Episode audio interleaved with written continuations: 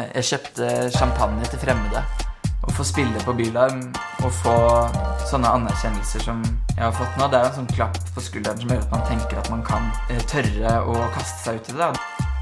Velkommen tilbake til Bylarm backstage, og tusen takk for et fantastisk Bylarm 2021.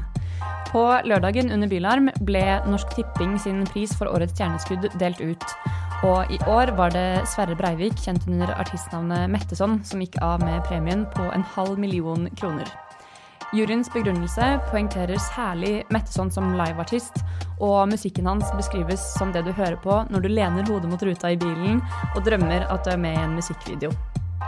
Jeg har tatt en prat med ham om hvordan både Bylarm og pengene fra Norsk Tipping vil kunne påvirke karrieren hans fremover. Hvordan det er å endelig kunne spille konserter, og hvem Sverre fra Moss er, i håp om at dere kan bli bedre kjent med årets stjerneskudd. Podkasten er laget i samarbeid med Norsk Tipping med tilskudd fra Fritt Ord. Jinglen dere hører, er laget av Jonas Hibiki. Jeg heter Agnes Sten Eckersberg, og dette er sesongens siste episode av Bylarm Backstage.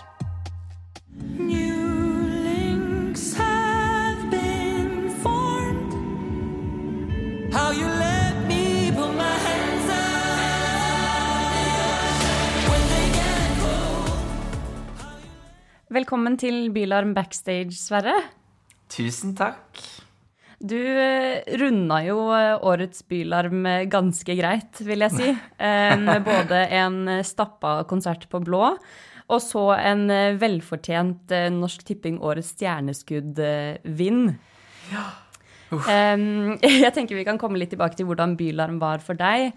For jeg har først lyst til å bli litt bedre kjent med deg som artist. Mm. Nå har jeg jo allerede introdusert deg som Sverre. Men hvem er artisten Metteson? Åh, artisten eh, Metteson Ja, jeg kan begynne med Sverre, da. Um, mm. Fordi eh, ja, jeg er en eh, 28 år gammel gutt som kom fra Moss og, har, og jobber som skuespiller. Ehm, og ja, jeg jobber nå på teatret i Bergen, på DNS. Og har jobbet som skuespiller veldig lenge. Um, og har trivdes veldig godt med det. Alltid drevet med sang og dans og skuespill og sånne kreative ting. Og så på et eller annet tidspunkt eh, i løpet av skuespillerutdannelsen og eh, teaterjobbingen så merka jeg at jeg hadde lyst til å ha et eh, eget eh, lite eh, kunstprosjekt for meg selv. Eller en slags outlet, da, på et vis. Um, og så skrev jeg en god del tekster, og alltid skrevet litt musikk, men uh, tenkt at det skal på en måte brukes litt til teatret, da, på et vis. Um, eller i den retningen. Og så um, ble det litt for mye kollektiv kunst etter hvert med teatret, og så ble musikken mer og mer seriøs, og da jeg flytta til Bergen så klarte jeg å vikle meg inn i dette fantastiske lille musikkmiljøet som er her. Så jeg studerte i Oslo og flytta til Bergen for å jobbe her da, på teatret. Og da eh, traff jeg plutselig en del produsenter, og det er et ganske lite eh, kunstmiljø. Og det er en god, god, del crossover mellom teater også, forskjellige musikere. Og så begynte jeg liksom å dele litt, da. Og så gikk det litt slag i slag derifra, og så har det blitt også større og større og viktigere og viktigere for meg. Um, og under korona så fikk jeg jo plutselig masse tid, for det var også lite som skjedde på teatret. Og da fikk jeg virkelig tatt tak i det, selv om jeg har sluppet litt musikk før det òg. Og så toppa det seg jo nå med Bylarm, og med denne prisen. Og på nyåret så skal jeg faktisk legge teatret helt bort for første gang å bare stå og være Metteson, som da er mitt eh, nå mitt hovedkunstneriske prosjekt, da. Eh, ja. Var Hvordan var det du bestemte deg for at det, det var det du ville gjøre? Det er satsingen for, eh, for nå? Eh, nei, altså det, det, er jo flere faktorer, men jeg vil jo virkelig si at den, den eh, oppmerksomheten som jeg fikk rundt Bylarm også pga. denne prisen, da, og de pengene, faktisk, gjør jo plutselig at man kan stoppe opp og kjenne på liksom at uh, søren, det er kanskje nå det gjelder litt å ta dette et steg videre. Og da er det jo å dedikere seg helt til det. Um, jeg hadde liksom lagt opp noen planer og skulle være med i noen forestillinger i Oslo for å uh, for å ha litt mer tid. Det er jo litt sånn Når man jobber på et institusjonsteater, så jobber man gjerne med prøver på dagtid og forestillinger på kvelden, og det er utrolig altoppslukende. Veldig, veldig gøy, men veldig altoppslukende og tar mye tid. da, og så har jeg blitt litt lei av å si nei til eh, forespørsler og planlegge rundt eh, denne jobben. Så når jeg plutselig nå fikk mulighet til å se at eh, dette her er eh, Dette her kan være jobb, og nå har det fått blitt levedyktig nok til å være i jobb, så tenkte jeg det var riktig å ta den avgjørelsen. Og det føles helt fantastisk. det, det er, helt godt nydelig. å høre. Ja.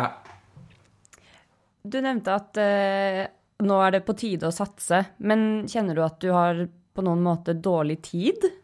Eller er det bare en sånn der lyst til å komme i gang?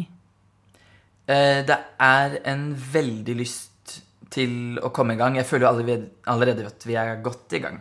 Jeg har reflektert litt rundt det. Jeg føler kanskje at spesifikt, i hvert fall Metteson-prosjektet, det føler jeg at eh, det, det, toget må kjenne sin besøkelsestid, holdt jeg på å si. Og nå står det nå, nå, har det gått litt sånn ifra stasjonen, og jeg har lyst til å legge køle masse køl inn i den uh, ovnen. Så jeg, jeg, føler ikke at det er dårlig tid, men uh, det føles ut som det er nå jeg burde smi litt godt. Og så er jeg, jeg er også en fyr som blir veldig inspirert av um, Av at ting skjer. um, altså koronaperioden, for eksempel, var, ikke, var ikke akkurat Jeg tror jeg har skrevet flere låter på to uker nå enn jeg har skrevet, skrevet under hele, hele, lockdown. Jeg liker, mm. jeg, liker å være travel. Um, jeg liker å bli liksom dratt i flere skjorteermer, holdt jeg på å si. Så ja, så jeg føler meg veldig inspirert nå også, så det er veldig lett, lett å kaste seg på det toget. Ja. Hva annet er det som inspirerer deg, da? Jeg syns akkurat Metteson Jeg hadde uh, Ja, for det, jeg, jeg, liker Jeg har jo på en måte jeg føler Jeg føler at jeg på en måte har skapt uh, dette. Det er jo også Metteson i seg selv det er jo en liten sånn konstruksjon, for jeg hadde ikke lyst til å være Sverre eh, som lagde disse engelskspråklige låtene sine. Jeg hadde lyst til å, om ikke skape en karakter, så i hvert fall skape et lite sånn rom for meg selv til å være eh, denne popartisten, som jo er litt sånn eh, Jeg er kanskje litt selvhøytidelig, så jeg syns det har vært litt sånn kleint å skulle ta det steget til å liksom vise fram musikken sin. Og her sitter jeg på rommet mitt og synger engelsk. Som om jeg er Whitney Houston, på en måte. Um, så, um, så da skapte jeg liksom Mette sånn for liksom å ha en slags unnskyldning. Og så blir det kanskje, når jeg tenker på meg, bare enda verre og enda kleinere. For jeg er sånn Å, vent, det er Mette sånn. Um, men det er i hvert fall um, uh, Det er i hvert fall en slags eh, blanding av litt, uh, litt meg, for det er uh, Mette, det er da moren min, og så er det sønnen av Mette, da, som jeg er. Så jeg hadde mm. ikke, jeg det var vanskelig, jeg hadde ikke lyst til å på en måte være Jeg hadde litt sånne dere drømte meg bort i litt sånn Du vet Perfume Genius, ikke sant? Det er et sånn nydelig, ligger godt i munnen, det er noe man husker. Eh, jeg var litt borti noen sånne òg, men eh, jeg klarte ikke helt å stå inne for det. Så jeg klarte å finne noe som var litt konstruert, men også meg. Um, og så var det gjennom prøverommet i, eh, i, Bergen, som er en liten sånn scene hvor kunstnere, alt fra billedkunstnere til musikere til teaterskapere og sånn, kan få en scene, få en kveld til å vise fram det de holder på med. Og da ble jeg litt pusha da, til å på en måte sette musikken min litt i kontekst. Og da ble det dette artistnavnet og noen litt sånn drømmete bilder og de tidligste liksom, låtene mine da, som ble til. Og det var en utrolig rar opplevelse å være artist og ikke skuespiller på scenen. Men det var også en eh, en nervøsitet og et gir da, som virkelig tente noe i meg. Så, så jeg fortsatt med det. Men, um, så det inspirerer meg egentlig bare å stå på scenen, uh, eksempel. Um, det syns jeg er veldig gøy. Bortsett fra det så blir jeg veldig inspirert av filmer, av medartister. Altså, jeg tror Jeg har jo ett sånn litt sånn definerende øyeblikk, da. Hvis du vil høre om det. Absolutt. Fortell. Eh, apropos inspirasjon, fordi jeg tror jeg har vært ganske sånn streng Jeg kan være ganske mm, streng eh, med meg selv med det at jeg, jeg skrev jo musikk ganske lenge. Men jeg syns ikke det var eh, bra nok. Det tenker jeg er en ganske vanlig tanke. Um, og jeg satt jo også alene med dette og hadde ikke noen sånn sparringspartnere da jeg bodde i Oslo da, og studerte teater og sånn. Så jeg tenkte at eh, nei, dette skal ikke jeg plage noen med. på en måte. Altså, Jeg hadde jo ikke, hadde ennå ikke vært i en setting eller møtt produsenter og skjønt at liksom selv om det er et soloprosjekt, så er det jo en gruppeoppgave. I hvert fall for meg som Jeg kan jo produsere litt, men eh, for å være helt ærlig, jeg skjønte ikke helt at, eh, at andre skulle mikse og mastre. Og jeg, jeg virkelig jeg er fortsatt også ganske grønn. Tenkte at liksom alle artister var totalt tusen kunstnere og genier. på en måte. Det, strekker det litt langt, da, men jeg hadde i hvert fall lyst til å være en som produserte og gjorde veldig mye selv. Og det har jeg funnet en fin balanse på nå. Men um, jeg var på Øyafestivalen, som jo er min hellige gral av uh, festivaler um, i 2016 og så Christine and the Queens på scenen. Og da hadde jeg et sånt skikkelig aha-moment, fordi um, hun skrev tekster eh, som jeg tenkte var litt For det første så var det jo litt eh, plukka opp ganske fort at det var et slags litt sånn litt queer prosjekt eh, som tente meg veldig. Og så, og så hørte jeg teksten hennes nesten som om det var en slags monolog eller en slags teaterting. da. Jeg hørte liksom altså Konsonantene smalt i hodet mitt på et eller annet vis. Så hun hadde en sånn fremfølelse som traff meg på gulvet. Jeg hadde aldri hørt om henne. Hadde, det var helt tilfeldig at jeg var der. Jeg tror klokka var fire i sirkus. Um, kanskje en onsdag eller noe sånt. Jeg husker ikke helt. Men det var, det var så tilfeldig, men det traff meg. Og tilstedeværelsen hennes, dansingen hennes, det, liksom, det teatrale og da tenkte jeg for første gang ikke at jeg hadde lyst til å være som henne, men at det finnes rom for det, det type uttrykk, da. Og det er noe jeg kunne gjort. Og jeg syns også at hun var kul. Um, og jeg tenker jo ikke alltid at teatret liksom er sånn kult, liksom. Men på toppen av det hele så var det så jævla kul. Så jeg ble ekstremt inspirert av det. Og det var første gang jeg tenkte sånn Ja, men herregud, det her kan jo jeg Det her kan jeg gjøre. Um, så det var jo en sånn en sånn veldig sånn tydelig musikalsk inspirasjon og en, ja, et øyeblikk, da. Mm. Altså det, da du annonserte eh, på Instagrammen din at du, skulle, at du, skal spille på Øya, ja. som vi skal komme tilbake til, så, så nevnte du jo dette. Og jeg syns det var så gøy å lese, fordi jeg hadde jo akkurat den samme opplevelsen. Er det sant? Jeg kjente jo heller ikke til Christine and the Queens. Herregud. Og ramla ja. inn på sirkus i 2016 eller ja. hva enn det var. Og bare skjønte først ingenting, og så følte jeg at jeg skjønte alt. Jeg bare Det, det var en jeg, jeg, skjønner så godt hva du mener. Ja. Um, og det er en sånn konsertopplevelse som, som liksom lander et eller annet sted inni deg og bare blir ja. der. Det må være en av de store Sånn Hvem var du der? Eh, Øya-opplevelsen, føler jeg. Riktig. Jeg er helt enig. Jeg er glad vi har delt den opplevelsen. Absolutt. Um, men la oss, la oss, snakke litt om Bylarm, da. Um, ja. vi, vi, ønsket jo egentlig å, å, ha deg på to konserter, men uh, som du har nevnt, så jobber du jo som skuespiller, så du måtte dra av gårde. Uh, ja. Og da ble det jo en enda mer eksklusiv uh, opplevelse for de som fikk være på Blå. Um, og det var jo så stor begeistring rundt den konserten din. og det var overalt i sosiale medier, og alle snakket om deg. Og eh, det må ha vært en ganske spesiell opplevelse. Eh, vil du fortelle litt om det? Ah, um, det, var, det var virkelig en slags ut av kroppen-opplevelse, for jeg hadde én dag fri. Altså, vi var i um, Vi var i oppkjøringsperiode til forestillingen. Det er en fire timer lang teaterforestilling. Um, hvor jeg spiller en av hovedrollene, eller i hvert fall bærende rolle. Og hadde veldig mye fokus der også, samtidig. eh, visste at jeg skulle til Oslo. Hadde, fikk én dag fri, så jeg hadde packa den dagen med så mye ting jeg kunne, i tillegg til da denne selvfølgelig hovedattraksjonen, som var at jeg skulle få lov til å spille på Bylarm. Og det var også litt sånn eh, Nå spilte vi på Vill Vill Vest i fjor, som var fantastisk. Har liksom følt jeg klarte å bygge opp et slags eh, momentum, eller en slags eh Føler at Metteson har funnet sin lille plass da, i denne eh, koronatiden. Klart å liksom sprekke fram asfalten som en liten løvetann. Og, og, da var det liksom sånn Får vi spille på Bylarm? var en sånn tanke.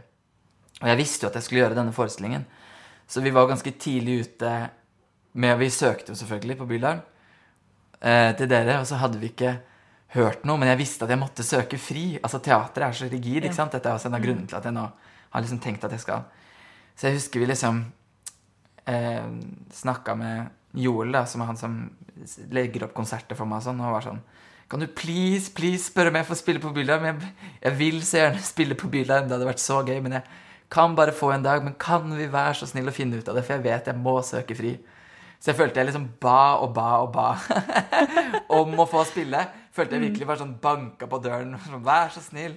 Og så fikk vi bekrefta sånn Ja da, Metteson skal få lov til å spille. Og så var jeg sånn Ah, fjo. Så jeg føler Jeg føler liksom Jeg har vært så eh, takknemlig på et vis om at jeg får lov, ikke bare til å spille på biler, men at jeg fikk lov til å bare gjøre én dag. At jeg liksom fikk gjøre det litt sånn på mine premisser på et eller annet vis, da, for det var det premisset vi hadde. Um, så det å reise ned dit midt liksom i en sånn Eller ikke midt i, på slutten av en sånn intensiv eh, prøveperiode på teatret, og så få lov til å gjøre denne konserten da, med mine tre korister og eh, produsenten min og gitaristen min ha denne lille drømmedagen ut av bergensbobla, inn til Oslo, hvor det plutselig er et stappfullt blå. Som var helt uvirkelig å se. Det, gjennom den lille glassruta på backstage oppe i andre etasje på Blå. Og se ned på et stappfullt publikum. Jeg har aldri gjort en konsert uten restriksjoner. Og så, og så til og med under konserten, så når jeg står der og på en måte er litt sånn ute av meg selv, mister tracksa i øret mitt, jeg klarer liksom ikke å intonere helt, og så er det noen på første rad som synger eh, synger tekstene mine for meg for å hjelpe meg videre, på en måte. Altså, det var bare en helt Det var, en, det var bare en så uvirkelig dag. Eh, og helt fantastisk Helt fantastisk eh, kveld. Um, og da dagen etterpå å spille første prøveforestilling i Bergen på et teaterstykke som er fire timer langt. Eh, og være, plutselig være nominert til denne tippingprisen. Og jeg føler liksom fortsatt at jeg er litt liksom bakpå. At jeg, liksom, at jeg har banka på døra og ikke på en måte kommet helt inn. Og så, og så i tillegg vinne det mens jeg sitter på en liten pizzarestaurant og tar av meg sminke. Og, altså, jeg, det har bare vært så det har vært så uvirkelig. Jeg driver fortsatt og prosesserer det litt, faktisk. Mm. Så jeg tror det Det er derfor jeg sånn Nå driver og leter litt etter ordene og eh, famler litt rundt i minnene og de opplevelsene. For det var utrolig intenst. Og jæsla gøy. Mm. Ja. ja hvor, du satt på en pizzarestaurant da du fikk vite at du vant en halv million? Ja. Jeg kjøpte, jeg kjøpte champagne til fremmede. Um, det satt et nabobord, og jeg bare jeg, jeg, fikk jo egentlig ikke lov til å åpne champagneflaska selv heller, for det er sånn mm. klassisk at man ikke får lov til det. Så var jeg sånn Nei, nei, jeg har vunnet en halv million kroner. altså sånn, jeg, jeg, skal gi deg gode tips, liksom. Jeg skal åpne den champagneflaska selv. Og hun var sånn Kjør, kjør. Så gøy. Um, ja, og det jo var sånn Herregud, hadde jeg visst det, så hadde jeg jo selvfølgelig Jeg hadde jo arrangert en eller annen fest. Men vi trodde virkelig ikke, at jeg skulle Nei, nei, nei, guri land. Det blir Jeg traff heldigvis eh, to av koristene mine da, som også hadde fått eh, Eller også hadde tatt flyet tilbake um, og ikke fikk være med på feiringa. Um, så vi satt igjen på en annen bar og gråt litt. Eller vi gråt ikke. Jeg gråt masse. Jeg, jeg, jeg satt og hulka litt og eh, fabulerte og var så utrolig takknemlig for eh, alt som har falt på plass. Og så fikk jeg en klapp på skulderen ganske tidlig. sånn, 'Nå tror jeg du skal gå hjem og sove.' Jeg var veldig sliten. Jeg var veldig sliten. Det har vært mye, det har vært intens, eh, noen intense uker, men uh, helt fantastiske, da. Det å spille på Bylarm er bare sånn um, Det er også en av de tingene som Altså, det, man, man kan jo klare mye på liksom mange liksom ukonvensjonelle måter og sånn, men det er liksom ikke til å slippe unna at uh, å få spille på Bylarm og få sånne anerkjennelser som jeg har fått nå, det er jo en sånn klapp på skulderen som gjør at man tenker at man kan uh, tørre å kaste seg ut i det. Det å være skuespiller tenkte jeg at var et yrke som var uh, tåpelig. Og, eller jeg har pappa som er, um, er en far som er rådgiver. Og han hadde jo ikke gitt meg råd om å bli skuespiller, for å si det sånn.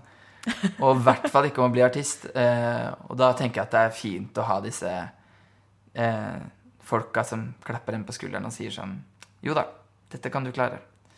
Så mm. det føles både uvirkelig, men også utrolig takknemlig. Og ja, det er veldig gøy. Mm. Og dette kan man leve av? Ja, man kan det. Mm. Det går faktisk.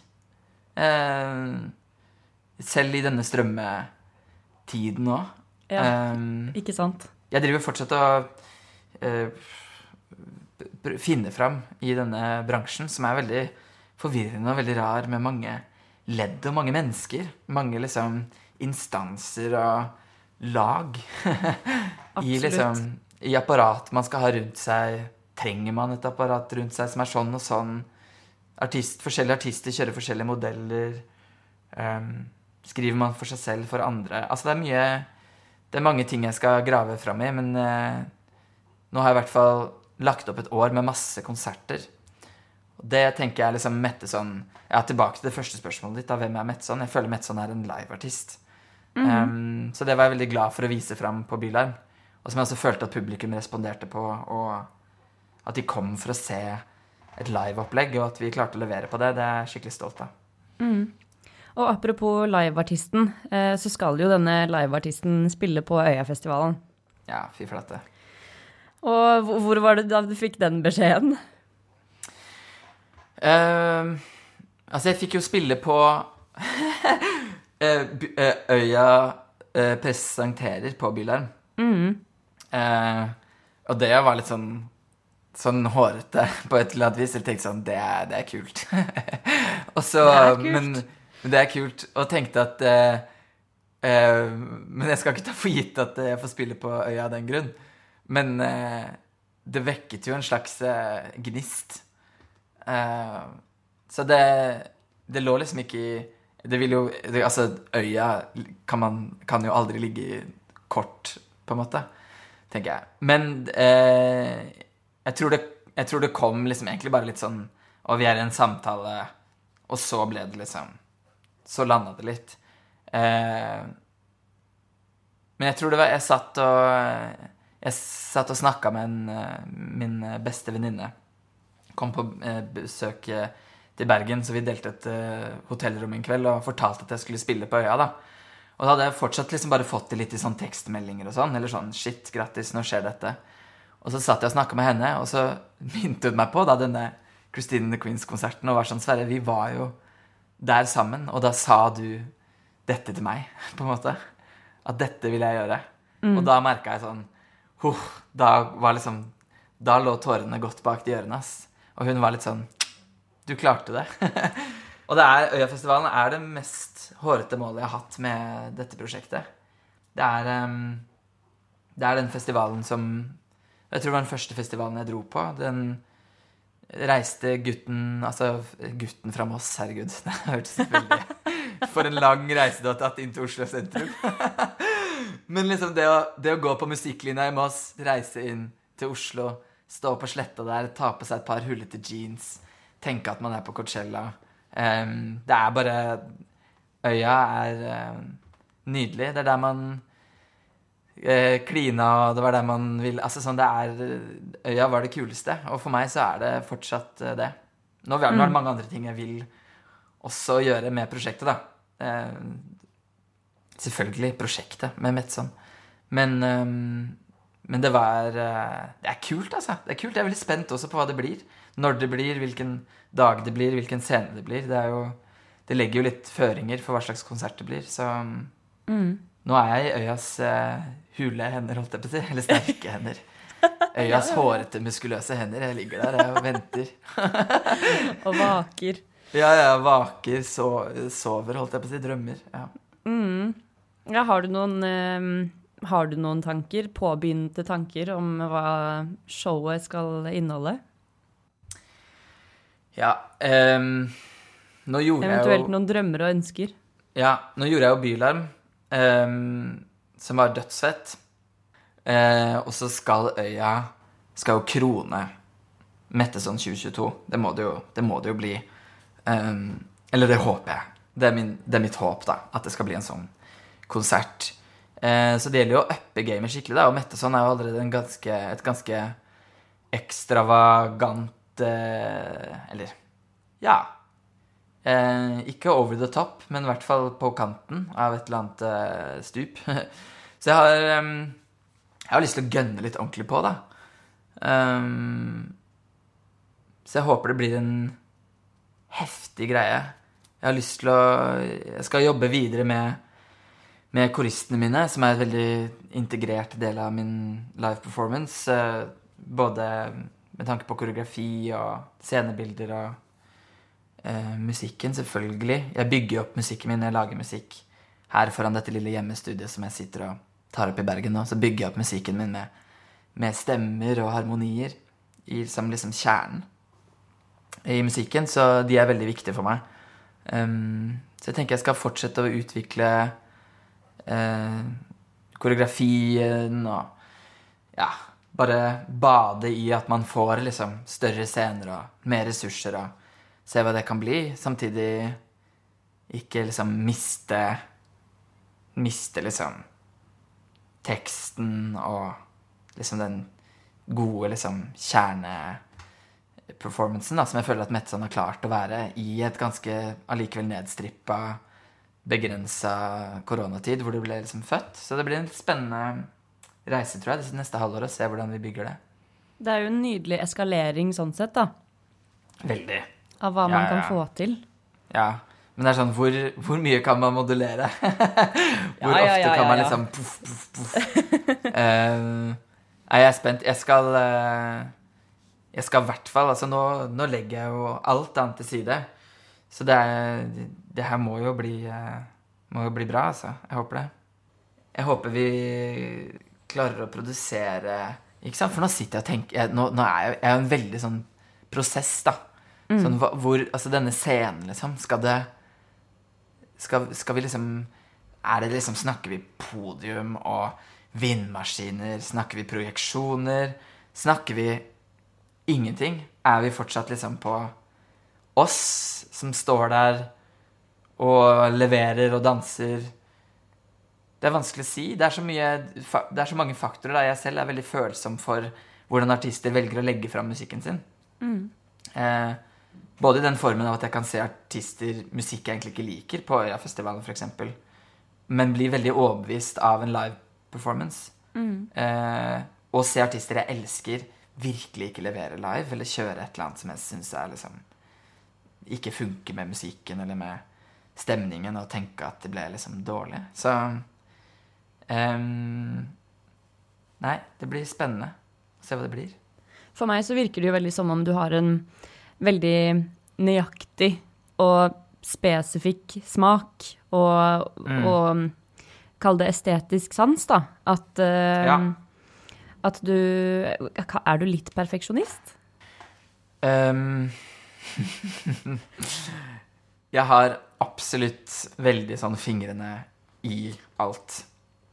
Um, og jeg er veldig opptatt Jo flere folk som kommer inn uh, og hjelper til med Metson, um, jo viktigere er det for meg at jeg har en finger med i spillet.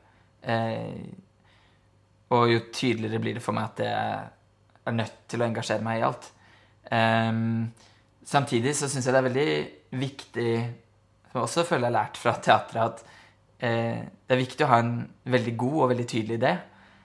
Men det finnes folk som kan utrette den ideen bedre enn deg. Så det å gi dem tillit, det er også veldig viktig. Um, men ja. Ja da. Jeg, jeg er en perfeksjonist.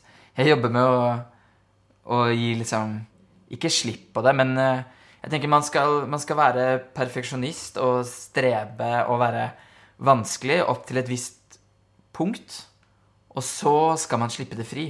F.eks. på Før Bylarm, med preprod og preproduksjon og sånne ting, så var det veldig viktig for meg at det skal være sånn og sånn. Og når vi sto på scenen på Blå, og de var sånn Nei, det, det, det trommesettet som står bak der, det kan vi ikke flytte. Og jeg var helt sånn Jeg kan jo ikke ha et trommesett bak meg som ikke blir i bruk. Det kommer til å se helt idiotisk ut. Og skal jeg stå der og danse foran et trommesett? Da kommer de bare til å tenke at de savner at jeg ikke har trommis. Og, så, og være sånn Ting er vanskelig og ting, men når man går opp på den scenen, da må man slippe ting. Da må det leve. Da, da må perfeksjonisten bort.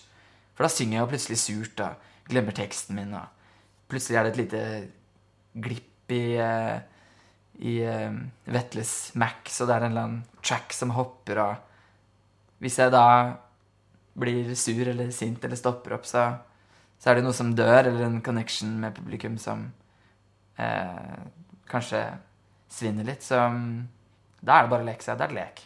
Mm. Du er jo såpass scenevant at Ja. Og det må jeg jo si at det Um, merkes. Det er, det er litt der du skal være.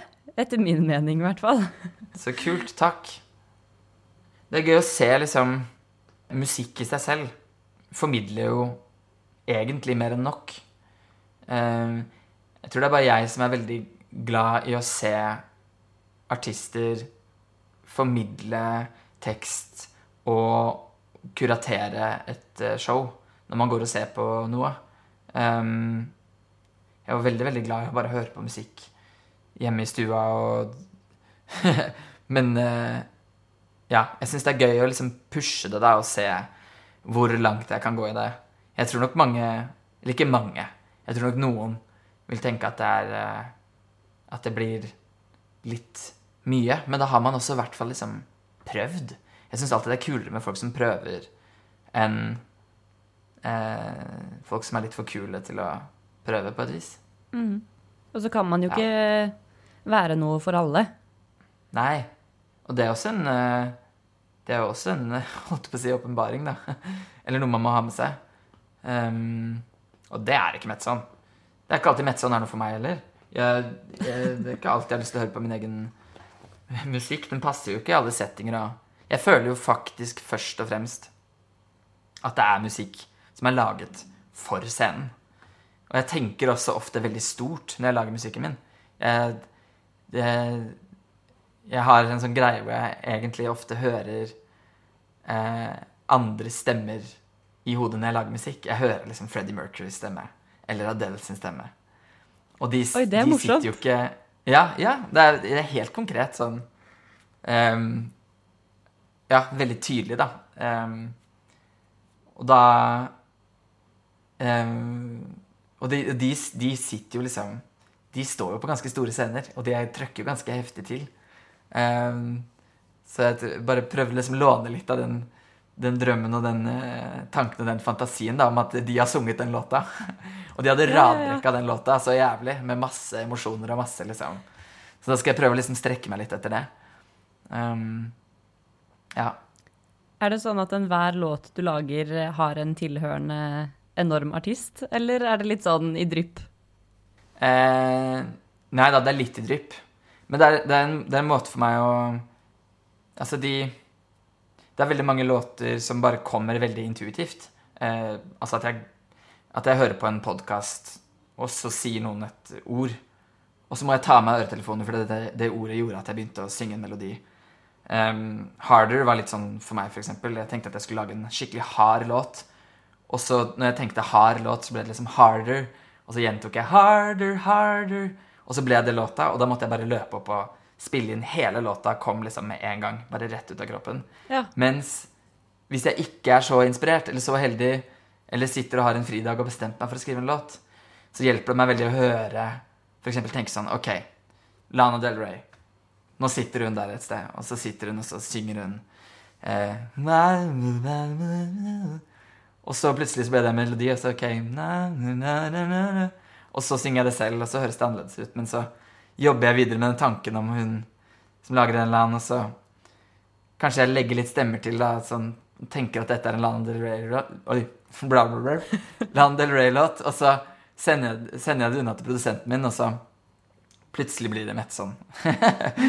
så det er en veldig sånn fin måte for meg å i hvert fall engasjere låtskrivehjernen, da.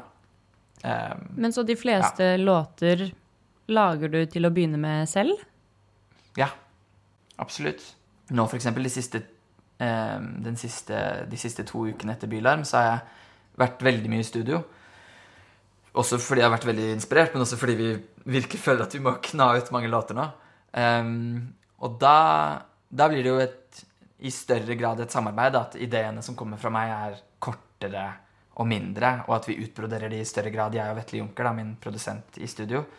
Um, og vi har jo diskutert uh, Det er jo Nå som jeg f.eks. har uh, spilt på Bylarm, så er det jo produsenter og låtskrivere som, som jeg er kjempefan av, som melder interesse. og jeg har absolutt, jeg kommer til å ta det liksom steget også, nå som jeg får mer tid til å skrive med andre, vil jeg tro. Møte andre produsenter. Men jeg syns jo det har gått veldig bra så langt også, med mine låter. Eh, med mine tekster. Eh, og med det samarbeidet jeg har hatt med Vetle. Eh, som har føltes veldig organisk, veldig trygt og åpent. Så jeg, jeg kjenner ikke på et sånt ekstremt behov for det. Det gjør jo også noe helt spesielt med meg på scenen å synge mine egne låter som kommer. Selv om de er skapt, da, så ligger jo mine erfaringer og mine liksom, tanker i tekstene. Um, så jeg er litt usikker på Det blir spennende å se hvordan det blir da, hvis jeg synger en låt jeg har skrevet med noen andre, eller veldig, det, det, det, må jeg bare teste ut, for kanskje det funker like bra. Men det er ikke noe hast. Det kommer masse låter òg. Jeg tror jeg har skrevet Ja, som, som, jeg kanskje sa tidligere, jeg har skrevet flere låter nå på to uker enn jeg har gjort på to år, og jeg syns de er ganske bra. Mm. Så ja. Er det da lov til å glede seg til et album?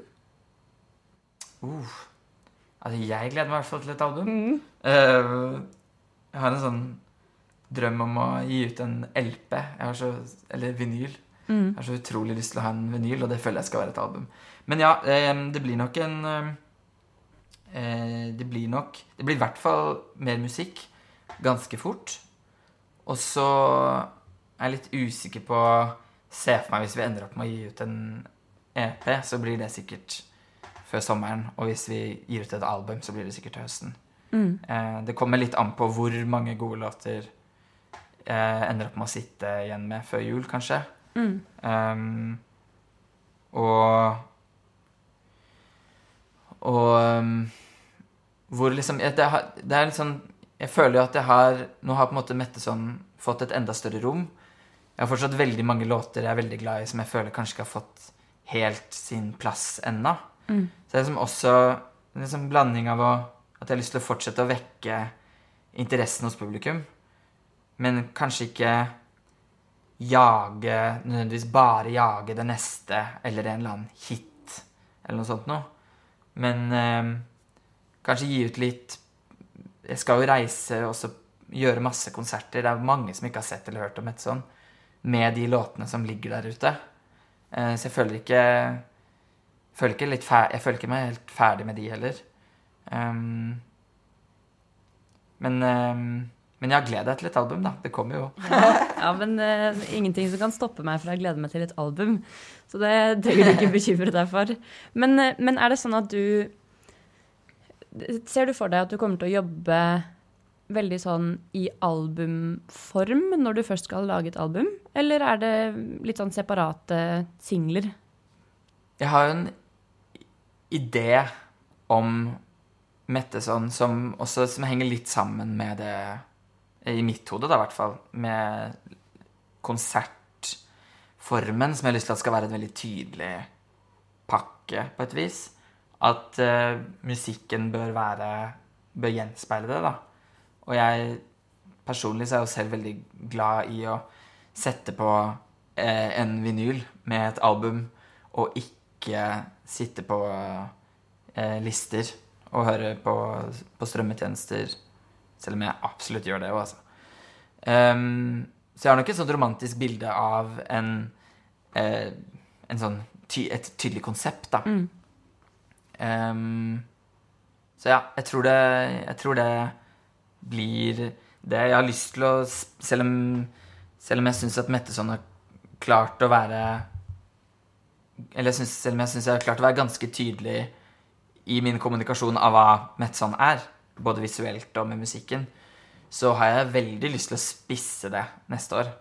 Og da tenker jeg et sånt eh, altså konseptalbum eller konsept-EP. Jeg føler det er litt sånn vanna ut konsept. eller vanna ut ord.